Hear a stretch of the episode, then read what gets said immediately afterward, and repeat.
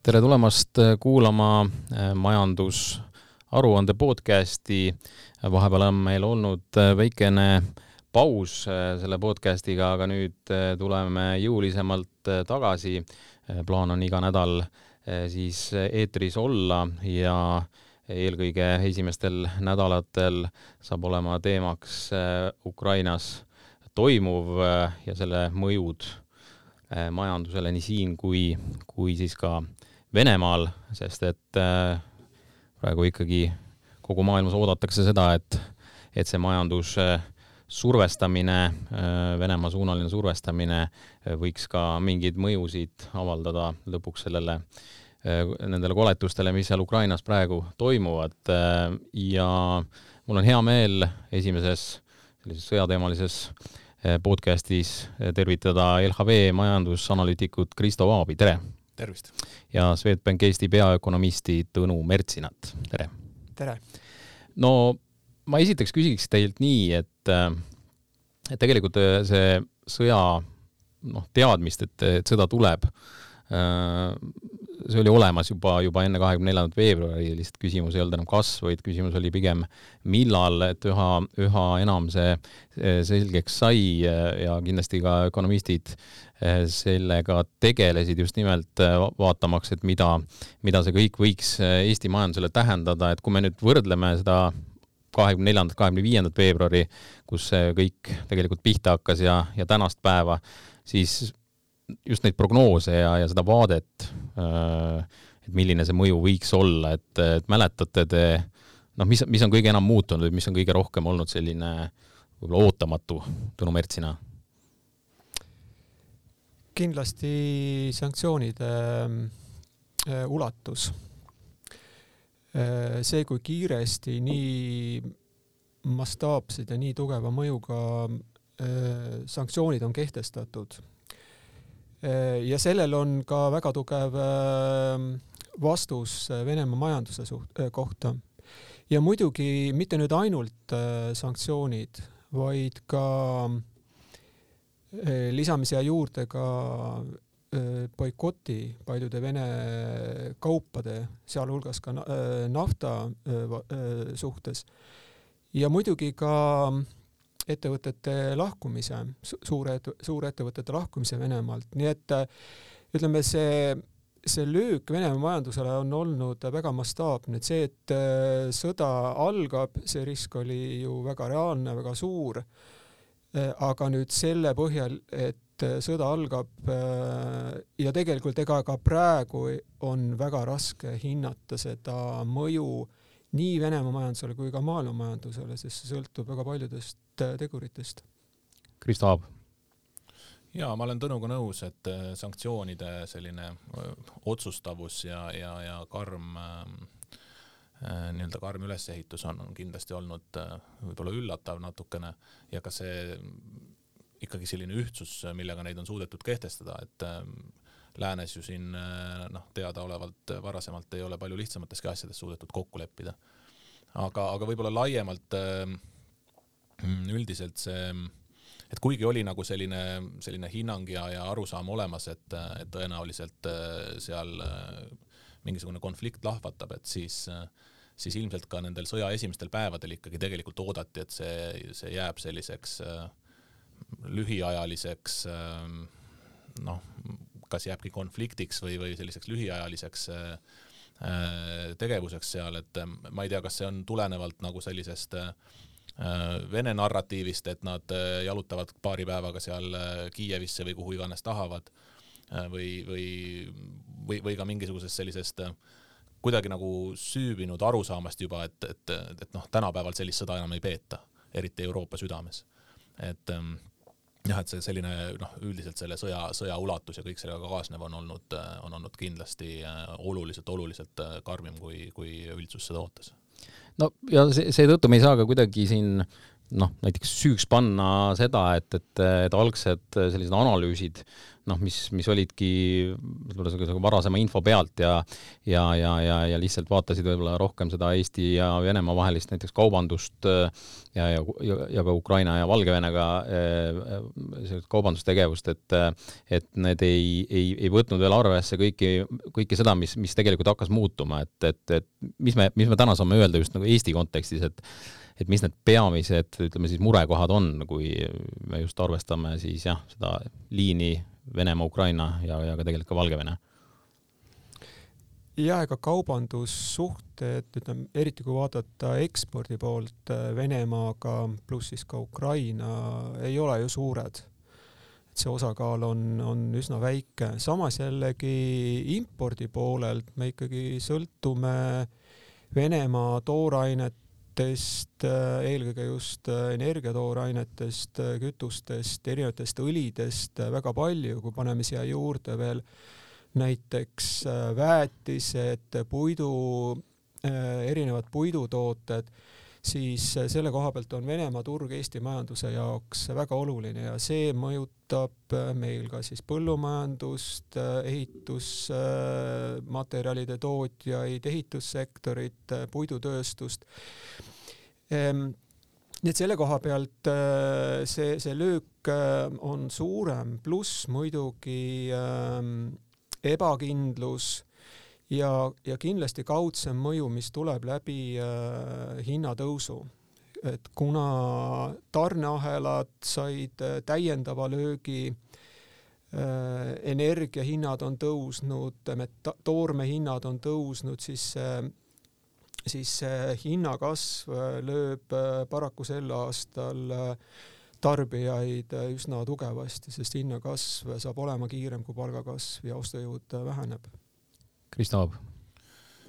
Õnneks on, on jah, viimase sellise kümnekonna aasta jooksul need majanduslikud sidemed Venemaaga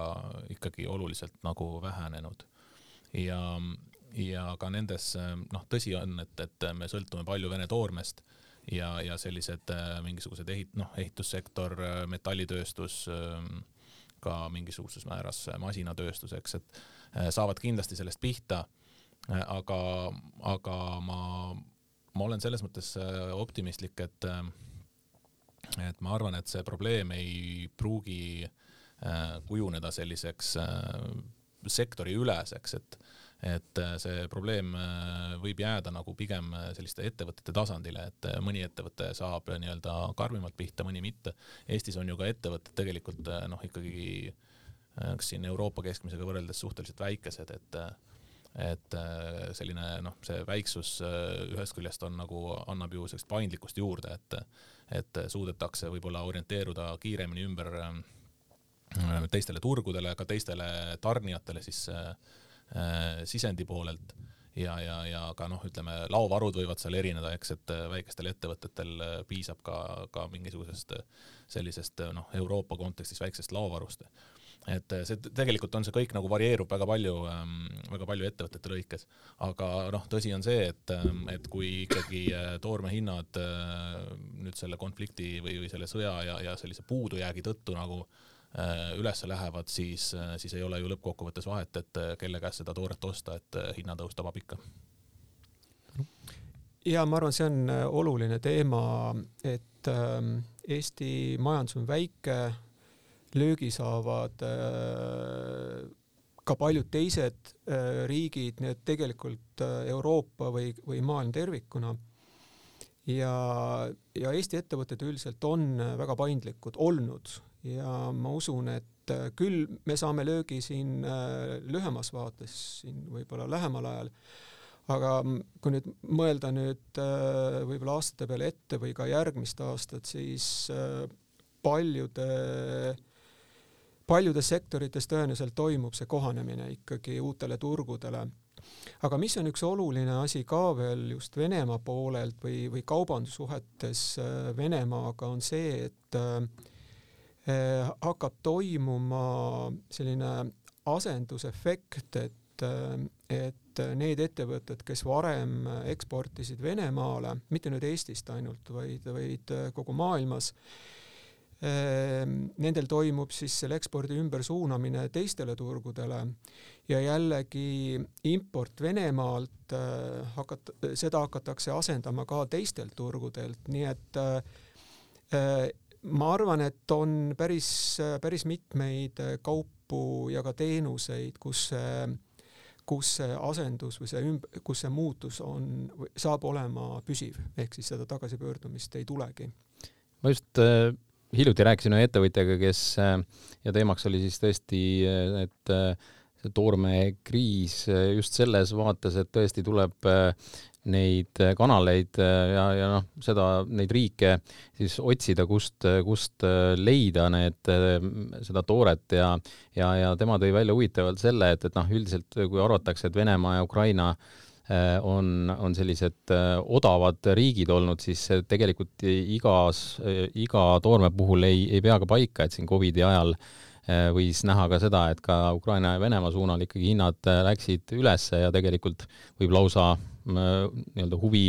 huvi, huvitav olla näha, et, et näiteks kuskil Türgis või kuskil sellistes riikides võib, võib teatud asju vaata et odavamalt saada, et, et ei pruugi tähendada sellist äh, suuremat hinnatõusu igal pool. no võib-olla me ei peaks ainult vaatama ainult seda hinda, vaid ka konkreetse kauba sisu või selle kvaliteeti ka, sest noh, näiteks ma juba nimetasin väetised, et äh, Venemaa on maailmas sõltuvalt nüüd väetiste tüübist kas esimene või, või teine suuruselt. Nii et äh, seda, seda turgu asendada äh, on, on üsna keeruline. Või siis ka näiteks äh, puidusektor, et kogu, kogu sellest impordist, mida, kogu impordist puidusektoril Venemaal, Venemaa osakaal on sisuliselt üks kolmandik, isegi rohkem ja metallidega on lihtsam, metallid on küll väga olulised kompone-, väga olulised kaubad, mida me Venemaalt impordime, aga aga Venemaa osakaal ähm, metallide ja metallitoodete impordis on umbes kolmteist protsenti, nii et see, äh, selle koha pealt äh, see asendamine saab olema lihtsam kui, kui, kui puidutööstuses ja väetistes näiteks. ja võib-olla siin veel ähm, selline, selline täpsustus või mõte ka juurde, et et tegelikult ei sõltu ju või, või noh, ei olegi oluline see, et ähm, kui me räägime sellest, et kas me Venemaalt saime odavamalt midagi või mitte, et ähm, kui, kui suur see nii-öelda see mingisuguse toote omahind seal, seal tootmiskohas siis on, et et äh, eks see hinnatõus lööb, lööb ju peamiselt ikkagi läbi selle, et Venemaa on noh, praktiliselt kõikide toormete puhul ikkagi nagu suur tootja maailmas suur mängija turul ja, ja kui, kui need, nende toodang muutub, äh, muutub siis vastuvõetamatuks, et siis jääb lihtsalt äh, hulk, äh, noh, hulk toodangut jääb turul vähemaks. ehk et see nõudluse-pakkumise suhe on, on seal nagu äärmiselt oluline. ja muidugi ma arvan, me ei saa üle, üle, üle ega ümber ka siin tulevikus, et Venemaa saab olema meie jaoks väga ebakindel, ebastabi-, ebakindel turg, nii et juba see määrab väga paljuski ära, mida me üldse impordime või kas me impordime Venemaalt. no Tõnu Mertsin mainis seda puidusektorit siin ja, ja, ja nemad on olnud äh, just sel nädalal ühed, ühed sellised äh, ütleme, näidanud üles kõige võib-olla suuremat sellist paanikat ja, ja, ja, ja esitanud ka väga selge nõudmise, et et tänu sellele, et Venemaa suunalt enam ei tooda sisse puitu, et siis oleks vaja kodumaist nii-öelda raiemahtu suurendada ja ja, ja, ja noh, mida, mida sellest nagu arvata, et siin on ka kriitikud, kes ütlevad, et, et nüüd sõja eh, sellises kontekstis üritatakse eh, tuua välja needsamad jutupunktid, mis, mis tegelikult ka varem on, eh, on, on välja võetud, et või, või noh, kui me juba ma-, oli, oli siin juttu sellest protsendist, et palju, palju sealt toodi, et, et see tegelikult ongi väga oluline Eesti äh, Eesti puidusektorile, see Venemaa suund? Ehm, ilmselt on seal, on seal terake tõtt nagu mõlemal pool, et et ehm, see puidu äh, raiemahtude suurendamine on ju tegelikult täitsa noh, selles mõttes reaalne alternatiiv, et et äh, kui, ähm, kui jah, et me impordime küll suurema osa puitu Venemaalt äh, võrreldes näiteks metallisektoriga, aga, aga samas noh, metalli meil endal siin Eestis toota nagu ei ole võimalik et äh, meil on, äh, aga samas puidu, puiduvaru meil on olemas või see ressurss, et see on nagu kindlasti mingisuguse mänguruumi meile tekitab. aga, aga noh, teisest küljest äh, ma arvan, et natukene on võib-olla veel vara ka sellekohaseid nagu järeldusi ja rutakaid otsuseid eelkõige teha, et ühest küljest see on selline tundlik küsimus nagu, et et see raiemahtude suurendamine, see ei jõua ju noh, kui täna tehakse otsus, see ei jõua ju hommepäev siis saekaatritesse et äh, see on ikkagi sellise natukene, natukene pikemalt ettevaatav protsess. aga, aga, aga samas tuleb nagu ähm, äh, paratamatult tuleb ka meelde kahe tuhande kahekümnes aasta, kui, kui kevadel siis äh,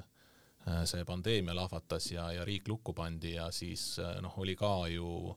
ikkagi sisuliselt igast majandusvaldkonnast meedias lugeda nagu sellist suurt kisa, et, et kui nüüd kohe kõiki ei aidata enneolematus mahus, et siis, siis noh, sisuliselt majandus kukub kokku. ja, ja tegelikult ei juhtunud nagu äh, ju midagi hullu. et eks see on natukene selline noh, ma ütlen, et seal, seal on, seal on kindlasti mingi, mingi taust taga, aga eks see on ka veidikene selline PR-moment seal sees. no räägi, jah, Tõnu Märtsina no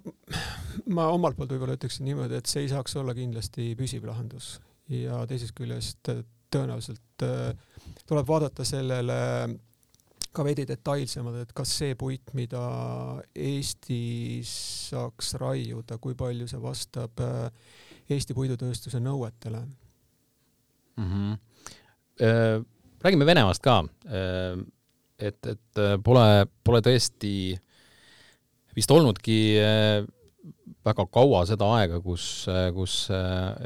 majandusajakirjandus Eestis on pidanud Venemaa äh, üldse majanduse seisu äh, läbi valgustama nii palju äh, ja, ja, ja igapäevaselt äh, selle silma peal hoidma,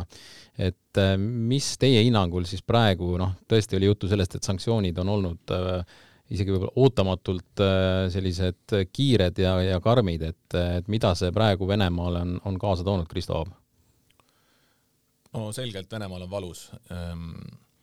siin, siin saab eristada nagu nii mitmeid, äh, nii mitmeid dimensioone, et, et Venemaa nii-öelda nagu riiklikust või, või sellisest makromajanduslikust vaatest. Ähm, samas noh, tuleb arvestada seda, et Venemaal on äh, seal suurusjärgus sada viiskümmend miljonit elanikku, kellest äh, kaks kolmandikku elab või ütleme siis üks kolmandik elab sellistes suuremates linnades ja, ja kaks kolmandikku äh, mitte. Et ka neid tõenäoliselt see, see noh, see kriis või need sanktsioonid äh, puudutavad äh, väga erinevalt.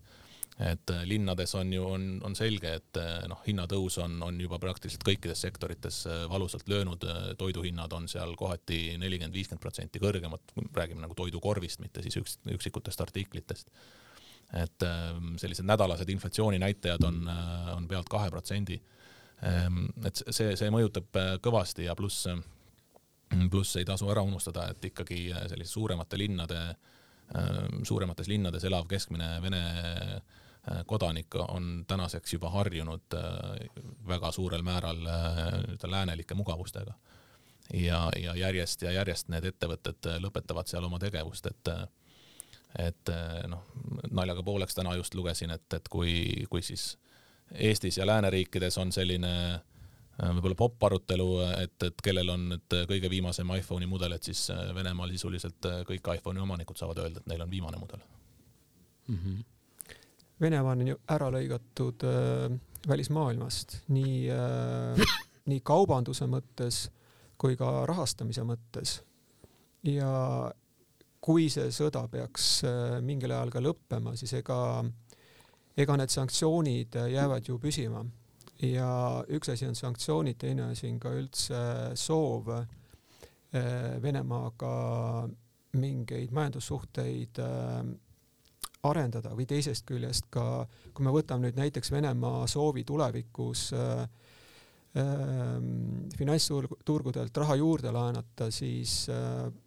usaldus Venemaa võlga võtta on on ju väga madal nii et äh, Venemaa tegelikult äh, see, mida ta praegu teinud on ja muidugi need sanktsioonid, mis talle väga tugevasti mõju, mõjuvad, on tegelikult rajanud endale väga äh, halva tuleviku. sellepärast, et kui nüüd me vaatame praegu seda Venemaa sõjategevust ja, ja maailma vastust sellele, siis on ikkagi käputäis riike, väga vähe riike, võib-olla rahvastiku mõttes mitte nii palju, sest noh, praegu on ju veel Hiina on selline kahe vahel ja pigem, pigem ikkagi nagu to, või, võib Venemaad aidata. aga kui me vaatame riike, siis neid riike on väga vähe, kes on Venemaaga nii-öelda ühes paadis ehk siis kui see sõda ka mingil ajal läbi saab, siis ega Venemaad ei võeta kui tõsis, kui sellist oma partnerit, kellega mingis majandussuhteid edasi viia. no siin isegi kõik nüüd järjest ootavad äh, seda, et, et kuna ikkagi see välisvaluuta reservide Äh, külmutamine, et, et, et see on, on üks kõige valusamaid meetmeid, mis, mis Venemaa vastu on kehtestatud ja, ja tõepoolest ikkagi noh, jutt ongi ikkagi maksejõuetusest ja sellest, et, et ei, ei riik ise ega ka riigi et,, riigiettevõtted ei jõua, ei jõua neid oma, oma võlgu ja teenindada, et ja intresse maksta, et, et kuidas, kuidas siin väljavaade tundub olevat siis, et millal, millal see krõks ära käib? no sõltub muidugi, mida me vaatame, sellepärast et nüüd kasvõi see selle nädala intressi tagasimakse, mis justkui teostati, aga samas, kas ta ka tegelikult äh, kreeditorideni jõuab, on, on teine asi, aga muidugi, kui me vaatame ettepoole, siis ega see pilt äh, paremaks ei lähe, pigem halvemaks. muidugi õnneks ei ole maailmas äh, tänapäeval praegu eh, Venemaa varasid eh, portfellides eh, väga palju enam, võrreldes näiteks sellega, kui palju oli üheksakümnendate lõpus. selles, et no Venemaa, Venemaa varadest on pro-, on püütud loobuda ja seda vähendada, aga tõepoolest üha rohkem suureneb see oht, et Venemaa ei suuda oma võlga maksta Äh, just ma mõtlen, äh, ütleme seda osa võlga, mis on äh, välisvaluuta, sellepärast et ikkagi osa sellest võlast saab Venemaa refinantse-, saab Venemaa tagasi maksta ka rublades. Nojah, see sellenädalane trall selle makse ümber ähm, oli selline omapärane, et et venelased ju tegelikult ähm, noh, lubasid siis nii-öelda äh, nendele halbadele riikidele maksta dollarites tagasi. ja, ja viimasel hetkel siis eh, noh, ikkagi eh, ma ei teagi, kas oli see selline soov siis mingisuguseid suhteid säilitada tõenäoliselt, et, et eh, mindi siis sellise esim-, esmase lahendusena ikkagi nii-öelda dollari makse juurde ja mm, -hmm. ja visati pall nagu lääneriikide kätte, et, et kas nad siis nende reservide arvelt need maksed lubavad ära teha või mitte ja, ja nii palju, kui ma olen lugenud, et vist esimesed äh, võlausaldajatele on ikkagi juba nagu ka summad mingid laekunud, et, et, et sealt on nagu midagi läbi läinud ilmselt. Ehm, et see annab nagu natuke lootust, et et võib-olla nende selliste võla tagasimaksetega, mis tegelikult ka ei ole ju vist äh, sanktsioonide all, eks, et see, see võla tagasimaksmine justkui jäeti nagu selle alt välja. et äh, võib-olla sellega sellist noh, natuke nagu peale surutud maksejõuetust selle Venemaale ei tekitata. Aga noh, ma arvan, et äh, ega, ega selles mõttes ähm, mõnes mõttes Tõnu ütles õigesti ennem, et, ähm, et kui see, kui see sõda ka läbi saab, et siis äh, siin noh, oluliselt ei ole väga vahet mõnda aega, et kas Vene riik praegu selle maksejõuetuse nii-öelda momendi elab läbi või mitte, et äh, ega keegi taga nagu noh, võlasuhetesse või, või, või mingisugustesse majandussuhetesse väga hea meelega nagunii ei taha astuda. et ja, ja, ja noh, Euroopa riigid on tõesti või lääneriigid üldse on, on, on praegu siis ka Vene, Vene võla suhtes nagu suhteliselt hästi positsioneerunud, et need, need avatused selle võla suhtes on, on, on võrdlemisi väiksed, et et võrreldes seal näiteks selle mm, Krimmi okupeerimise ajaga on see kolm korda vähenenud, et, et selles mõttes kui sealt ka peaks see maksejõuetus terendama, siis tõenäoliselt ükski riik sellest nagu liiga tugevalt pihta ei saa räägime natuke gaasist ka. see on olnud nüüd palju jutuks juba, juba pikemat aega ja selgelt äh, Saksamaa on üks peamine põhjus, miks äh, miks seda gaasitarneid sanktsioneerida ei, ei soovita. Äh, noh, siin on kaks, kaks võimalust, kas lõpuks ikkagi see otsus tehakse või, või teine võimalus, Venemaa hakkab ise sellega kuidagi äh, siin mängima rohkem. Ähm, mida, mida siit nagu just, kui, tuua nagu Eesti siia mängu, et, et, et meil äh, on ilmunud päris mitu, mitu lugu sellest, et, et tegelikult Eesti on on mõnevõrra ja üldse Baltikum ja see regioon on mõnevõrra paremas seisus kui, kui siin Kesk- ja, ja, ja, ja seal Lääne-Euroopa, et äh, mida me peaksime mõtlema, kui me, kui me mõtleme sellele, et, et Venemaa näiteks ise keerab kraanid kinni siis mingil hetkel? no kõigepealt ähm, kui vaadata seda võimalust, et Venemaa ise keerab, ähm, blokeerib gaasi, gaasi ekspordi Euroopasse, siis tuleks arvestada, et äh, Venemaa sõltub väga palju Euroopast oma gaasi ekspordis, et äh, kas ei olnud mitte mingi seitsekümmend protsenti pealt selle isegi läheb, läheb Euroopasse. kui ta ei saa Euroopast äh, seda gaasitulu, siis ma arvan, et ta ei jõua seda ka nii kiiresti ümber suunata, ei saa ka nii kiiresti ümber suunata ida poole, nii et selle koha pealt on, on see teema ikkagi, selle teema juures tuleks seda arvestada. mis puudutab nüüd Eestit, siis äh, kuigi Eesti energiabilansis on gaasi osakaal võrdlemisi väike, siis ähm, kui saab pihta Euroopa turg, siis äh, mõjutab see meie, see mõjutab siis ka see meie elektrihindasid. Äh, nii et selle koha pealt, äh, kuigi jah, me ei sõltu nii palju gaasist, aga siiski me ei saa, ei saa öelda, et me, me, et see nagu üldse meid ei mõjutaks.